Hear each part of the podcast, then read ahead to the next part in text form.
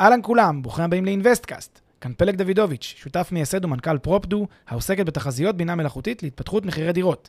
ואיתי אביב גרינברג, מנהל ההשקעות בחברת רנטפו, שהיא גם נותנת החסות לפרק.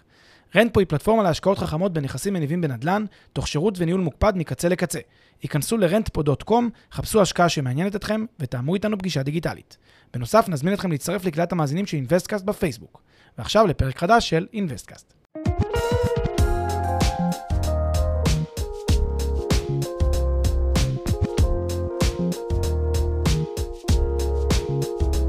אהלן אביב, אהלן, פלג. מה שלומך?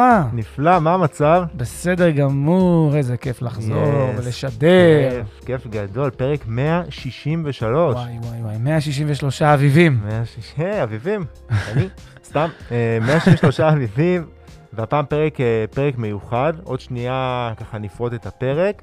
בואו נתחיל בהצגה עצמית. מי אתה? מי אני? אני פלג דוידוביץ', מנכ"ל ומייסד אה, פרופדו, עוסקים בתמחור וחיזוי של מחירי דירות. אה, ואני גם אה, מתעסק בנדל"ן, אוהב נדל"ן, חי נדל"ן, מרצה נדל"ן באוניברסיטת רייכמן כבר הרבה שנים, ואוהב לשדר פה באינוויסטקאסט. מי אתה, אביב? yes, אני אביב גרינברג, אני מנהל פעילות ההשקעות של רנטפו, אה, השקעות נדל"ן, וחוץ מזה, אני אה, חי התנהלות כלכלית, אני מאוד אוהב אה, התנהלות פיננסית נכונה, ומטיף על כך לכל מי שרק מוכן לשמוע. ממש בהתקשר ומתכתב עם הפרק הזה. בדיוק, וזה מה שבאתי להגיד, שזה גם ממש מתכתב עם הפרק אה, שאנחנו הולכים אה, אה, לשדר עכשיו. אה, קצת על הפרק, על איך לדאוג לרווחה הכלכלית של הילדים שלנו. אוקיי. איך זה התחיל? לפני כמעט שבועיים, נולדה בתנו הבכורה אורי. וואו. וזה הביא את איזה התוצאה, מרגש, yes. רבותיי, כפיים, כפיים. יס, יס, תקופה אדירה, התרגשות גדולה, חמודה רצח אגב. איזה כיף. ומעבר לדאגות הרגילות, אתה יודע, של שנייה איך ללמוד בכלל, לתפעל את הדבר הזה, מגיעות ישר החרדות הכלכליות של איך אני מבטיח לעתיד אה, אה, עם רווחה כלכלית. ביטחון אה, כלכלי ורווחה בדיוק. כלכלית. שאגב, אני אתן רמז קטן, התשובה היא שהרמטית אני לא יכול להבטיח, בואו שנייה לא נחיה בסדר, אי אפשר להבטיח, אבל אפשר לתת מה שנקרא התחלה מאוד מאוד טובה, ועל זה נדבר. אוקיי, מעולה. אה, אני אתחיל בשאלה שהיא די אובייסט, אבל אה, חייבים לה- אה, לשאול אותה, למה זה בכלל חשוב? עכשיו, למה אני אומר שחייבים להגיד את זה? כי עובדה שהמון אנשים לא מתעסקים בשאלה הזאת ולא מתכננים את זה כמו שצריך. הסיבה שזה חשוב, ואני אומר את זה כמי שלא היה לו לצורך העניין איזשהו הון עצמי בתחילת החיים, זה אפקט הריבית דריבית.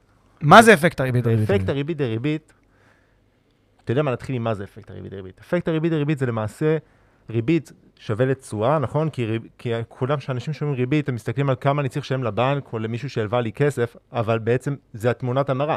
כי הבנק או הגוף המלווה מרוויח כסף מהריבית שלי, הריבית שלי זה התשואה שלו.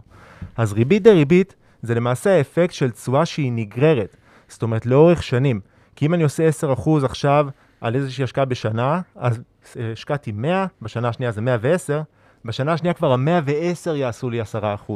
וזה בדיוק אפקט הריבית דריבית, זה כמו חזקה של מכפל כוח לאורך שנים.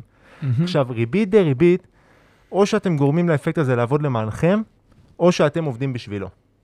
ומי שיודע לגרום לאפקט הזה לעבוד בשבילו, מגיל מאוד מאוד צעיר, הוא, מפ... הוא לא מבטיח לעצמו, אבל הוא מאפשר לעצמו התחלה מאוד מאוד טובה של, אה, של החיים הכלכליים. אני, אני רוצה להוסיף בנקודה הזאת משהו בבקשה.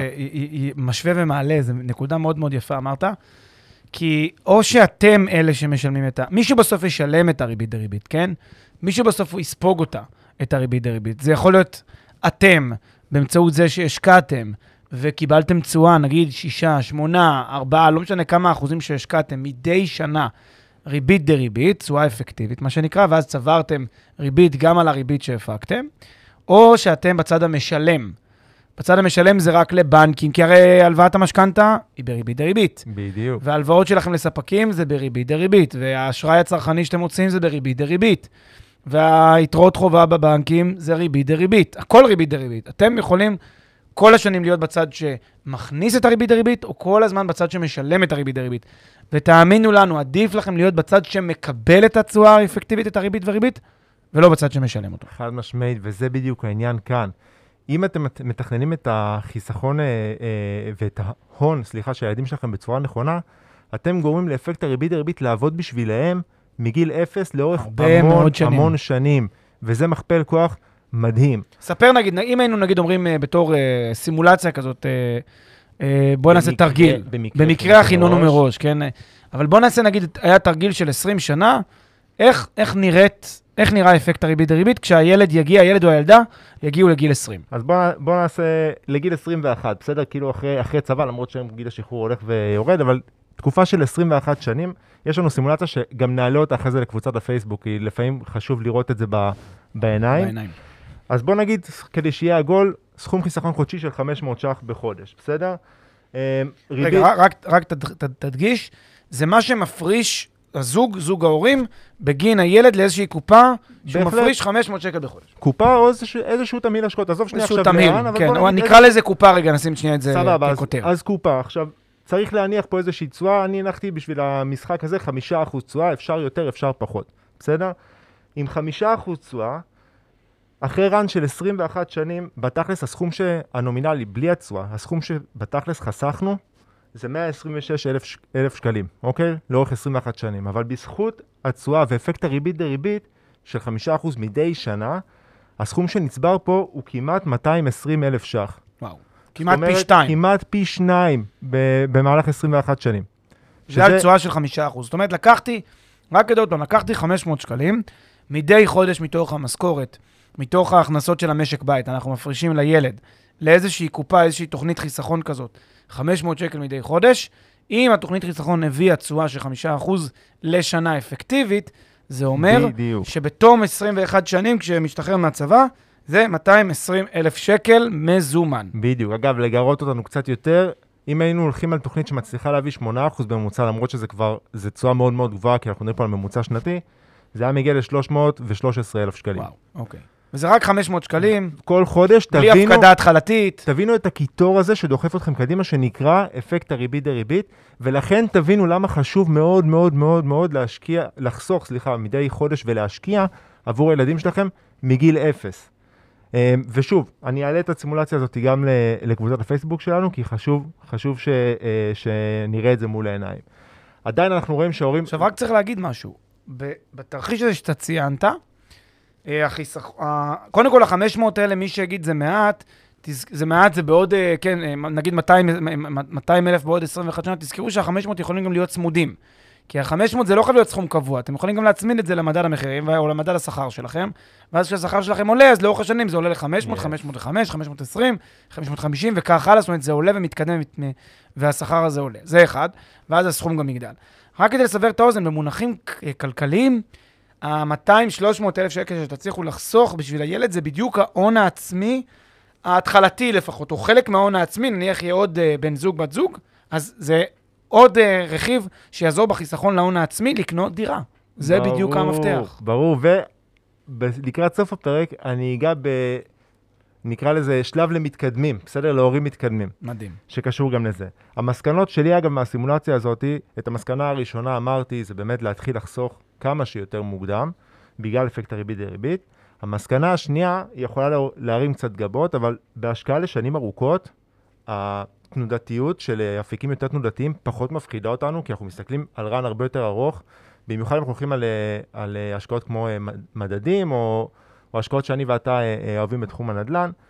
אפשר ללכת באמת ל- לתמהיל שהוא יותר מנייתי, בסדר? תמהיל יותר מנייתי, כדי ליהנות מהתשואה יותר גבוהה. ראית מה ההבדל, ההבדל של 3% בין ה-5% ל-8% עשה באמת. עשה לתיק הזה. ושוב, לא ללכת להשתגע עכשיו להשקיע במניות איזה, אני מדבר פה על מדדים, דברים שאנחנו מאמינים, ב, מאמינים בהם, אנחנו לא מאמינים ביכולת של מישהו להכותר את השוק. נכון. אה, אז אלה שתי המסקנות מכאן. עדיין אנחנו רואים שהורים לא מתעסקים בזה מספיק. אין לי באמת סיבה הגיונית להגיד את זה, לדעתי זה פשוט חוסר מודעות, ואגב, זו המטרה של הפרק הזה. זאת אומרת, אני מקווה שהמטרה שלי, שלנו בפרק הזה, זה לפחות, זה להאיר את העיניים ככה לכמה שיותר הורים, כדי שתתחילו להתעסק בזה. אה, סבבה, אני אדבר עכשיו קצת על תוכנית חיסכון לכל ילד. זה לא מהות הפרק, אבל זה, זה איזשהו אפיק שבו whether you like it, whether you don't, אתם כבר חוסכים לילד, כי זה למעשה איזושהי תקנה של ביטוח לאומי. מה שזה אומר, אה, זה התחיל בשנת 2017, תחילת 2017. נכון להיום, נכון לשנת 2022, ביטוח לאומי מפקיד עבורנו, עבור כל ילד שלנו, 52 שקלים מדי חודש, עד גיל 18, באיזושהי תוכנית חיסכון, ש... תוכנית השקעה שאנחנו uh, בוחרים. בדרך כלל זה בקופות גמל להשקעה, אפשר גם בבנקים אגב, אבל עקרונית קופות גמל להשקעה.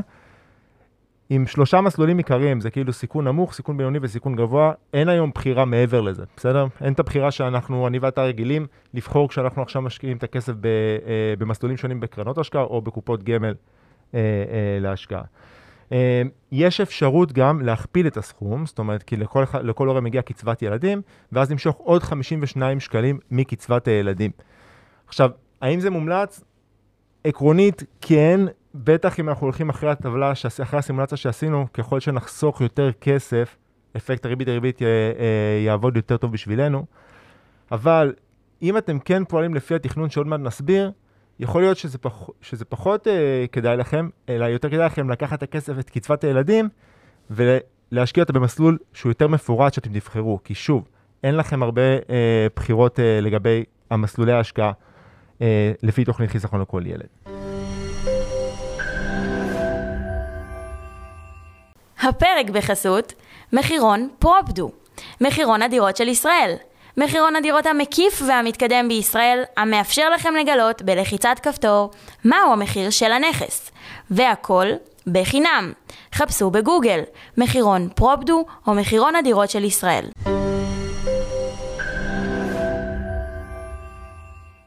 עכשיו, והשאלה מתבקשת. האם זה, האם זה ייתן לי, בוא נגיד, ל, לילדים איזושהי רווחה כלכלית משמעותית באמצעות התוכנית הזאת של הפקדה, שמדובר פה כמה עשרות שקלים?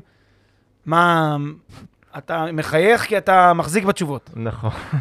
אז עשינו עוד סימולציה. אה, עשיתי סימולציה שגם שלפי ה-52 שקלים, וגם אם אנחנו מכפילים את זה ל-104 שקלים, ופה לקחתי את אותה ריבית, בסדר? את אותה ריבית שהנחתי בסימולציה הקודמת, זאת אומרת 5 אחוז. עשיתי פה לרן של 18 שנים, כי אין מה לעשות, זה מה שה, אה, שביטוח לאומי אה, מפקיד. עכשיו ככה, ההון כולל תשואה, לפי הפקדה של 52 שקלים בחודש, הוא כמעט 18,000 שקל, בסוף, בתום 18 אה, שנים, סליחה. והון בהפקדה של 104 לא שקלים זה 36,000 שקל. שזה פשוט לא הרבה. מה, זה, זה, זה כלום, כאילו, כן. זה לא כלום, סליחה, אני לא רוצה זה, אבל זה מעט מאוד, זה לא מה שיבטיח לילד שלנו. זה אולי שנה ראשונה וחצי בתואר, פחות או יותר, מחזיק. בדיוק, בטח לא הון העצמי שאמרנו שאנחנו רוצים לפתח להשקעות אחרי זה, בטח לא התחלה או איזושהי כניסה טובה לרווחה כלכלית שאנחנו רוצים. זאת אומרת, אם אני מסכם עד כה, בכלים המקובלים היום של ביטוח לאומי, אין איזושהי אפשרות בתוכנית לחיסכון לכל ילד, אין איזושהי אפשרות מיוחדת, והמשפחות חייבות לאמץ לעצמם איזשהו מסלול, שבו הן באמת אה, עושות פעולה תכנונית, אקטיבית, אה, ארוכת שנים, ובאמצעות זה הם מייצרים את אותה רווחה, רווחה לילד. בול. זאת אומרת, אין, התוכנית הזאת היא קיימת וכדאי לנצל אותה לטובתכם ולבחור מסלול שהוא יותר מנייתי, המסלול, אבל זה כבר אה, המלצה בוא אחרת. בוא ננסה אותך... לא נתמקד בזה. אבל אסור להסתמך, כמו שאתה אומר, אסור להסתמך רק על זה, אנחנו צריכים תוכנית יותר מקיפה. בואי ננסה לשאול אותך שאלה אולי אה, קצת, אה, שאני חושב שמעניינת הרבה הורים, כי בסוף אומרים לעצמם, תראה, אני במקום לפתוח תוכנית לילד, אני אפתח, אני אקח את אחת התוכניות הקיימות שלנו, של ההורים, ואני אמשיך פשוט לנהל אותה, וביום מן הימים, כשהילד או הילדה יגיעו אה, ל- ל- ל- לעצמאות בשביל עצמם, יתחילו לחיות, אני אפריש להם מתוך הסכום הזה את, את, את חלק מסוים, לתת להם להתחיל להתגלגל. למה מהיום כבר להתחיל לבנות להם, לתכנן להם, אה, כשגם ככה היום מצב כלכלי לא טוב, ואתה יודע, והמחירים עולים, ויוקר הדיור, ויוקר המחיה. אולי אנחנו זוג צעיר ועוד אין לנו הרבה הכנסה, אולי אנחנו זוג צעיר ועוד אין לנו הרבה הכנסה, אז למה כבר מהיום להתחיל להפריש את זה לכל מיני, אה, אתה יודע, כי גם יש הרבה התעסקות, ויש גם עוד מסמכולוגיה וזה. מה זה נותן את ההפרדה הזאת? מה נותן את ההפרדה הזאת? ההפרדה הזאת היא מאוד מאוד חשובה, כי יש הבדל בין הצרכים שלנו כתא משפחתי, זאת אומרת, זה לא רק שלי ושל בת, בת זוגתי, אלא של כולנו, כולל הילדים, לבין הצרכים של הילד או הילדה אה, אה, שלנו, בסדר? של כל אחד מבין הילדים שלנו. לכל אחד מהם יש את הצורך להתחיל את החיים עם איזושהי דריסת רגל, בסדר? עם איזשהו הון עצמי שלו או שלה, שיאפשרו לה, כמו שאמרת, בין אם זה הון עצמי עכשיו ל, לרכישת אה, דירה, או בין אם זה הון עצמי להשקעות אחרות. שיאפשרו להם לבחור ולעשות עם הסכום הזה מה, מה שהם רוצים למעשה, שישמש אותם. עכשיו, כשאני הולך על תמיל ההשקעות שלנו, של הבית, לצורך העניין של התא המשפחתי, יהיה יותר קשה לקבוע יעד של אני רוצה עכשיו לילד הזה, לצורך העניין להפקיד, אה, אה, אה, להפריש 250 אלף שקל בגיל 21, והילד השני, השנייה גם סכום כזה, זאת אומרת, זה הרבה יותר בעייתי. כשאתה עושה את ההפרדה הזאת, אתה למעשה מתכנן יעד שונה לכל ילד, בשונה מהתא המשפחתי, ובגלל שהיעד הוא שונה, גם תמיל ההשקעות שאתה תתכנן יהיה שונה, כי הוא צריך להתאים ליעד הזה. נכון. רגע, ת, ת, ת, תסביר רגע, אנחנו מדברים עכשיו, אנחנו רוצים להתחיל לבנות את התוכנית עבור הילדים. עבור הורי. בסדר? עבור ההורים. בגין הילדים, כן? לט- לטובת הילדים.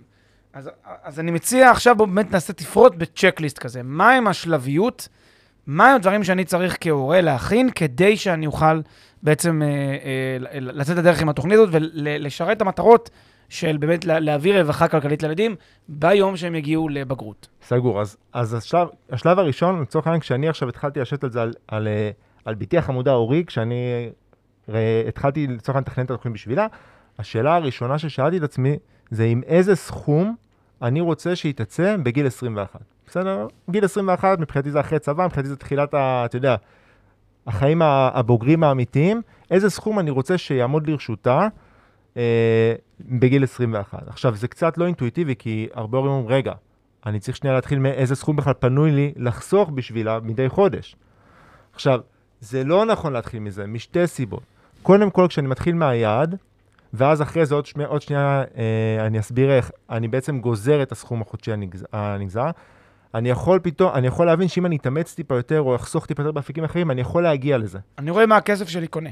בדיוק, ואני אני יכול להגיע לזה, זאת אומרת, אני יכול, אני יכול להגיע לסכום הזה גם אם לפני זה הייתי חושב שהוא גדול עליי. כן.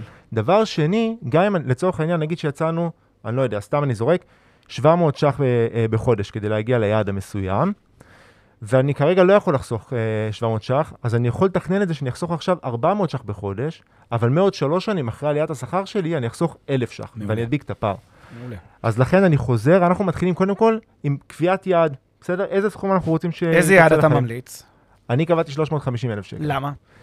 כי אמרתי לעצמי שהון עצמי של היום לדירה, תלוי איזה דירה, זה באזור ה... טוב, קצת יותר, אבל בין 300 אלף שקל ל-400 אלף שקל, משהו כזה. אה, שוב, לדירה להשקעה, בסדר? תלוי, תלוי באיזה אזור.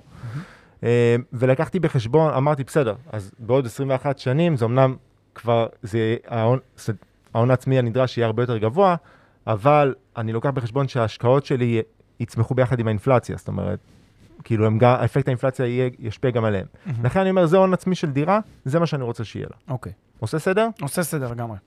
פיקס. אז אני בחרתי... צריך שלוש- לזכור עוד פעם, מי שלא מבין מה זה ה-350 שקל האלה, ה-350 אלף שקל האלה, זה במונחים של היום, של 2022. כשנ- כשהילד יגיע לגיל בעוד 21 שנים, זה לא יהיה, הוא לא יראה בבנק 350 אלף שקל, הוא יראה 750 אלף שקל בפועל, כי בינתיים תהיה אינפלציה, וה-500 שקל הפקדה, או כמה שלא תהיה תצא ההפקדה, בחישוב שאביב תכף מסביר, הדבר הזה צמוד למדד, זאת אומרת, ההפקדה תגדל כהת- מוצ... באופן מוצמד למדד לאורך תקופת החיסכון. זה חידוד סופר חשוב, תודה לך על זה. אוקיי, אז קבענו את היעד, עכשיו משתמשים בידידנו שאנחנו מאוד מאוד אוהבים, האקסל. אנחנו מציבים את זה בנוסחה, נוסחת payment, נוסחת PMT, באקסל. אגב, גם את זה, אנחנו נעלה לכם אה, אה, אה, מין טמפלט כזה, שתוכלו אתם להציב איזה סכומים שתרצו ולתכנן את הרווחה הכלכלית של הילד, הילדים שלכם. אבל לצורך העניין אנחנו, אנחנו מציבים את זה באקסל כדי לגזור מהיעד הזה את סכום ההפקדה החודשי הנדרש, בסדר? כדי שאני אגיע ל-350, לאותם 350 אלף שקלים, לפחות זה היעד שלי בשביל אורי. עכשיו, כחלק מהנוסחה הזאת צריך להניח איזושהי, איזשהו שיעור תשואה, בסדר? איזשהו שיעור ריבית. עכשיו, תקן אותי אם, אני, אם אתה חושב אחרת, אני חושב שהגיוני להניח באזור בין 4 ל-6 אחוז. כן, כן, זה סביר, בסדר? סביר מאוד. אני הייתי אומר, אה, תלוי, כמובן, כל אחד זה רמות הסיכון שהוא מוכן לקחת, אבל בדיוק.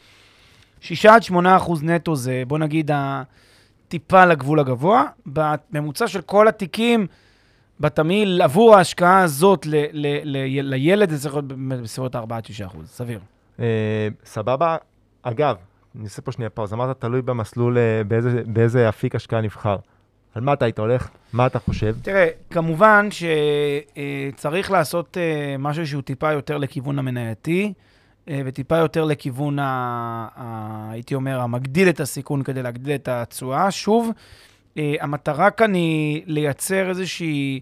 זה לא קרן חירום, זה לא איזה משהו שאני צריך להגן עליו מאוד, זה משהו שאני רוצה להגדיל אותו גם על חשבון העובדה שזה קצת לא, לא יקלע ליעד המדויק, אז זה הכיוון. ולכן הייתי אומר יותר לכיוון המנייתי, אבל שוב, לא לשים את זה עכשיו בהשקעות, אה, אתה יודע, מפוקפקות, סטארט-אפ, פירמידות, כן, פירמידות או סטארט-אפים אה, מאוד עתירים בסיכון. חד משמעית. בגלל זה אנחנו אוהבים את המדדים, אה, כי, כי שוב, כי המדדים עוקבים אחרי שווקים, ושווקים לאורך שנים, גם אם יש נפילות, שווקים לאורך שנים הם צומחים, זאת אומרת, בטח שווקים הגדולים והמפותחים. אה, סבבה, אז אני מזכיר, קבענו יעד, ועכשיו הצבנו את זה בנוסחת ה payment שלנו באקסל, בחרנו אה, אה, את אחוז הריבית, לצורך העניין, אני בחישוב שלי בשביל אורי בחרתי 5% ריבית, ואז מה שהנוסחה הזאת נותן לי את ה payment, למעשה את סכום ההפקדה החודשי שנדרש כדי לעמוד ביעד, בסדר? עכשיו, עכשיו אנחנו משווים את סכום ההפקדה החודשית למה שאנחנו אה, מאמינים שאנחנו יכולים לחסוך מדי חודש. לצורך העניין, אם יצא לכם, סתם אני אומר, כן? 800 ומשהו שקלים, אבל אתם אומרים, רגע, אנחנו, וזה בדיוק מה שאמרתי מקודם, אנחנו יכולים לחסוך קצת פחות, אז בואו נתכנן את זה ככה, שתח, שתחסכו פחות הש, בשנתיים הקרובות, אבל אחרי זה תדביקו את הפער, כי, קבע, כי בחרתם יעד ו, ואתם יכולים לעמוד בו. מהצד השני, פלג, אם אני קבעתי, אה, אם, אם היה, יצא לי את אותם 850 שקלים, אבל אני יכול לחסוך 1,000 שקלים בחודש, בואו נגדיל את היעד. ברור. בואו נגדיל את היעד ונ- ונקבע יעד של 400,000 שקלים. היעד, כשמתחילים מהסוף ורואים את היעד, אז מבינים גם מה הכסף שלכם קונה. כמובן שאתם יכולים גם uh, להתחיל מהפיימנט ולראות את היעדים, כאילו להתחיל ממה שאתם יודעים להפריש ולראות את היעדים, אבל אני באמת חושב, כמו שאבי אומר, תנסו לשאוף לכיוון המינימום אה, 300-400 אלף שקל במונחים של היום. אפשר, אפשר אפילו לכיוון החצי מיליון לכל ילד, נשמע לי בסך הכל סביר, בהפקדות של כמה מאות שקלים בחודש להגיע לזה. חד משמעית. אה, עכשיו שוב, אנחנו נעלה לקבוצת פייסבוק גם את הסימולציות ש... שעשינו, וגם את ה... איזשהו טמפלט של הנוסחה הזאתי, כדי שיקל עליכם מי שככה קצת פחות אה, שולט באקסל, פשוט להציב את הנתונים שלכם, את היעדים שלכם, ולראות מה הסכום החודשי הנדרש אה, להפקדה. אז עד עכשיו, בסדר? קבענו יעד, ראינו מה, מה סכום החיסכון החודשי, עכשיו מה אנחנו עושים איתו? זאת אומרת, אנחנו חוסכים כל חודש, אבל לאן? לאיזה, כאילו, מה, מה אנחנו עושים עם זה? וזה למעשה השלב הבא. בניית תמהיל ההשקעה. עכשיו, או תכנון תמהיל ההשקעה, בסדר? זה... שוב, נגענו בזה כבר פעמיים בפרק, אין סיבה להרחיב, אבל היות ואנחנו אה, מתכננים להשקעה אה, מרובת שנים, כן יותר נכון ללכת לאפיקים שהם יותר מנייתיים, נקרא לזה. אה, ופה, אגב, אין לי הרבה מה לחדש מעבר לכל הפרקים שדיברנו עליהם, שנוגעים לתכנון תמהיל השקעות. אז תכננו תמהיל, אנחנו יצאנו לדרך, מתחילים אה, אה, לחסוך כל חודש. השלב הבא זה למעשה מעקב, תיקון ו, אה, ואיזון התיק לאורך שנים. זאת אומרת, לפי היעדים שקבענו, לפי, ה, לפי התמהיל שתכננו, בסדר? אה, אם תכננו, אז סתם אני אומר, 80% מניות ו-20% באפיקים אחרים, הרי הכל, אה, הכל נע עם, ה, עם הזמן, כן, אם המניות קצת גדלו וזה, אז קיצר לתקן ולאזן, אבל לעשות את זה ביחד עם הילד או הילדה. מעניין, למה? מה, אה, באיזה אופן אתה רואה את זה קורה? כאילו, את השיתוף פעולה הזה עם הילד? אוקיי, אז קודם כל אני אתחיל, אני אתחיל ואני אגיד ש... אמרתי גם בתחילת הפרק, זה כשלעצמו, החיסכון וההשקעה הזאת, לא יבטיחו לילד את הרווחה הכלכלית. למה? כי גם אם זה נותן לו איזשהו אה, נתח מאוד מאוד יפה, start. בדיוק, להתחיל את, את החיים, עדיין הוא צריך לדעת איך להתנהל עם זה. והם צריך, צריכים לדעת להתנהל נכון מבחינה כלכלית. וכשאתה עושה את זה ביחד עם הילד או הילדה שלך מגיל מאוד מאוד צעיר, אתה מלמד אותם את ההיגיון. אתה מחדיר בהם את ה... את ה נקרא לזה תורה של אפקט הריבית דריבית מגיל מאוד מאוד צעיר, והם מבינים שכל שקל שהם חוסכים, נותן להם הרבה יותר מ- בהכרח, כאילו, מרוב הפעמים ש... מהשקלים שהם מוציאים, בסדר? מה שאמרנו שהריבית דריבית יעבוד בשבילם, ולא שהם אלה שישלמו את הריבית דריבית, כמו שהסברת. לכן זה מאוד מאוד מאוד חשוב לעשות את זה ביחד עם הילד. אגב, דיברנו על זה, זאת אומרת, דיברנו על זה בפרק אה, 56, הפרק שדיבר על חינוך פיננסי לדור הבא. עצם ה... ה שוב אני אומר, עצם ה, ה, ה, ה, הבוסט הזה, כשלעצמו הוא לא מספיק, צריך לחנך את הילד שידע איך להתנהל איתו. ממליץ אגב בחום להאזין לפרק הזה, לפרק 56 כהשלמה אה, לפרק הזה. וזהו, בגדול אני מאוד חושב- מתחבר למה שאתה אמרת על ה- לעשות את זה ביחד עם הילדים. אמ, אני חושב שיש כאן גם את האלמנט החינוכי, כמו שאתה אומר, אבל גם את האלמנט של השליטה של, ה, של הילד על עתידו. כלומר, בוודאי לא בגיל, אה, כשהם בני שמונה, כן, אבל כשהם גדלים, והם מתחילים כבר ללמוד ולהבין את המכניקה, סתם דוגמה, אני נגיד מגיל מאוד מאוד צעיר עבדתי. פחות או יותר בגיל 13 כבר התחלתי לעבוד ב- בכל מיני דברים שהיום בדיעבד זה נורא מצחיק, אבל הייתי חוסך וחוסך וחוסך, והמון המון כסף הצלחתי לחסוך כילד. וכל השנים עבדתי, ולא כך הבנתי מה אני עושה עם כל מה שעשיתי. לא הבנתי, כאילו, אתה יודע, לא, לא חשבתי על זה יותר מדי. אה, וכשאתה נותן לילד את, ה, את, ה, את התוכנית הזאת, ואתה אומר לו, הנה, תראה, זה הפרטי התחברות, והנה האתר, והנה המספר, וזה מה שיש לך, פתאום לי זה נראה כאילו כבר יש לו בגיל 13 חשבון בנק כזה, תיאורטי, שיכול כאילו תיאורטית להפריש לו כסף, והוא תיאורטית יכול להתחיל לחסוך לתוכו כסף, כי יש שם כמה, כבר כמה עשרות אלפי, אם לא מאות אלפי שקלים שכבר נחסכו במשך אה, כמה שנים טובות.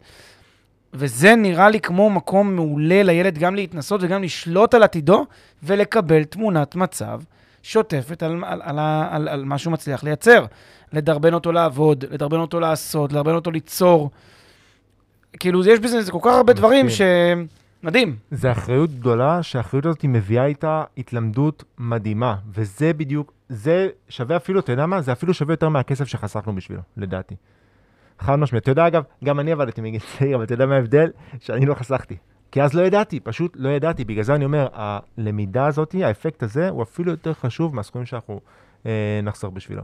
ועוד מילה קטנה, כי הבטחתי למתקדמים, ושכחתי לדבר על זה שדיברנו על תמיד השקעה, מתקדמים יכולים לתכנן איך אפילו לפני גיל 21, שוב, תלוי במטרות שלכם ותלוי בפרופיל הסיכונים שאתם רוצים אה, אה, אה, להציב לתמהיל הזה, יכולים לתכנן איך לוקחים את הסכום ברגע שנהיה שם מספיק להון עצמי, גם אם זה קרה כשהילד בן 16, וממנפים אותו לטובת השקעת נדל"ן גם על שם הילד. כן. אבל זה למתקדמים, אני סתם זורק פה ככה קצת טיזרים.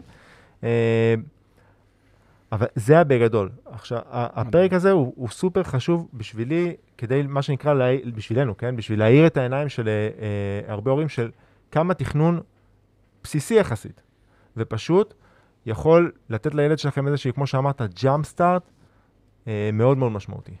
כן, אני רוצה גם אה, להוסיף כמה דברים שאולי אה, ככה מסכמים או מתחברים עם הדברים שאמרת. קודם כל, תראו, בסוף, כשאנחנו בונים את התמהיל שלנו כאנשים בוגרים, אנחנו עושים את התמהיל הזה גם במובן מסוים, כאילו אנחנו דואגים לאיזושהי נקודת זמן שבה נצא לאיזושהי עצמאות כפויה כזאת, שזה פנסיה לצורך העניין. המתודולוגיה אותה מתודולוגיה. גם כשאנחנו בונים את זה לילד, שזה כמו שאנחנו בונים את זה לעצמנו, זה בסוף אותו דבר. זה עבודה של הכנה של איזושהי תוכנית לטווח ארוך, אה, עשרות שנים, כשבתנאי ודאות, ובתוך כל מיני הנחות שצריך לקחת ולהכניס לאיזשהו מודל, ובסוף לגזור מזה את מה שהיינו רוצים להפיק באנד גיים. ולדעתי, לכן יש כאן איזושהי הקבלה מאוד מאוד יפה בין הפרק הזה לבין בכלל החשיבה שלנו כ... יודע, כמי שבונים על, על, על איזושהי אה, אה, אה, צבירת הון ארוכת שנים, זה הולך יד ביד. אם תדעו לצבור את ההון שלכם, אתם צריכים לדעת לצבור את ההון לילדים שלכם. קודם שאלתי אותך גם, אה, אביב, לגבי נושא ה... מה זה כבר משנה אם אני צובר לילד או... או... ויש הרבה באמת הורים, יש גישה של הורים, אני... כשיהיה לי כסף אני אקנה לילד דירה, או אני אקנה לילד איזשהו... אה, או אני, אפת... אני, אני אתן לו הלוואה, כאילו, זו גישה טובה, אבל היא מפספסת באיזשהו מובן, כלומר, היא גישה מדהימה למי שיכול להרשות לקנות לילד בית, זה כמובן חלום. אבל היא כן מפספסת אלמנט מסוים של התקופה, תקופת הביניים, כי בסוף רואים את זה לא פעם שילדים יוצאים בהרבה, לא תמיד, כן, בחלק מהמשפחות, אתה יודע, מפונקים. קיבלו איזשהו בית, הם לא הרגישו את העבודה נכון, עליו, הם לא הרגישו נכון. את המאמץ עליו. הם לא חוו את האתגרים שבלהביא את הבית הזה. ואז באיזשהו שלב הם באים לחיים האמיתיים וחוטפים uh, סטירת לחי. וואו, עכשיו אני מבין כמה זה קשה בך לקנות בית בישראל. כי כשאתה מקבל בית מהשמיים מוצנח, אוקיי, זה לא היה קשה, בסך הכל הגעתי לגיל 20. בול. אה, וכשעושים את זה ביחד איתם, וכשנותנים, אה, וכשעושים את הדבר הזה באפיק נפרד, ולא, אה, אתה יודע, מייצרים לעצמכם הון וכל פעם מפרישים ממנו קצת לילדים, אלא נותנים להם הון משלהם, ונותנים להם אחריות ואת המפתח לצוללת הזאת, כן? נותנים להם את המפתח. אומרים להם, כבר מגיל צעיר, תתחילו להפליג, תתחילו להוביל את הדבר הזה קדימה. כמובן כשאנחנו איתכם. ואנחנו כמובן. איתכם, ואנחנו תומכים, ואנחנו מלווים. נתת לילד לא רק את ה... את ה... את ה... אתה יודע, את הדגים, נתת לו גם את החכה. בדיוק. ואז בסוף אה, מייצרים, מייצרים מהדבר הזה איזושהי אה, הבנה כלכלית רחבה, הבנה פיננסית. והדבר האחרון שאני רוצה להגיד זה שתזכרו תמיד שבכל אה, מה שקשור לתשואות ותשואות, אה, אה, ותשואות, בוודאי תשואות רב-שנתיות של 20-30 שנה, דברים מהסוג הזה, אפקט הריבית דריבית הרבה הרבה יותר משמעותי. לא רואים את זה בשנים הראשונות, וזה מה שמבלבל, כי בשנים הראשונות תכפילו 500 או 800 או 1,000 לחודש כפול 12 תקבלו, עדיין 12,000. עדיין תקבלו 500 כפול 12, עדיין תקבלו 6,000. זה מה שזה יוצא, כמעט זה לא זז, קצת מעל ה-6,000. עכשיו תעשו את זה על פני 20 שנה, במקום שזה יהיה 6,000 כפול 20, זה יהיה פי 3, פי 4, אם התשואה היא גבוהה. ואז ההבדל הוא משמעותי. לא בשנה אחת וגם לא בשנתיים. הרבה הרבה זמן. ולכן חשוב להתחיל מגיל אפס. לכן ממש חשוב ככה. להתחיל מגיל אפס. יס, אני מאוד מקווה שהפרק הזה נתן לכם ערך. אני רוצה להזכיר לכולם לדרג אותנו. אם אתם אוהבים את הפודקאסט, בבקשה תדרגו אותנו בפלטפורמות המובילות. זה חשוב לנו מאוד, זה מראה לנו שאנחנו אה, פוגעים טוב בתוכן. אה, וזהו, אנחנו נשמח אגב לענות על שאלות בקבוצת הפייסבוק שלנו, נעלה לשם גם את כל החומרים. פלג, מה אומר? אני חושב שהיה פרק מדהים, ואנחנו נשמח שת... ת- כן, כמו שאמרת, דרגו, יס. תשתפו, תספרו, אה, ות, ותרימו לנו. יס. באווירה הזאת, חג פורים שמח, לא חג אמרנו. פורים שמח, שמח, אביב, למה. התחפשת? אני התחפשתי למישהו שמשדר עם מסכה. וואי וואי איזה ו- תחפושת. תחפושת מאוד מקורית ושמצליח גם לשדר. בכל אופן, כן, לא התחפשתי, סליחה. אז חג פורים שמח לך חג פורים ולכל שמח, יס, תודה רבה, ביי אחלה בינתיים. סופש.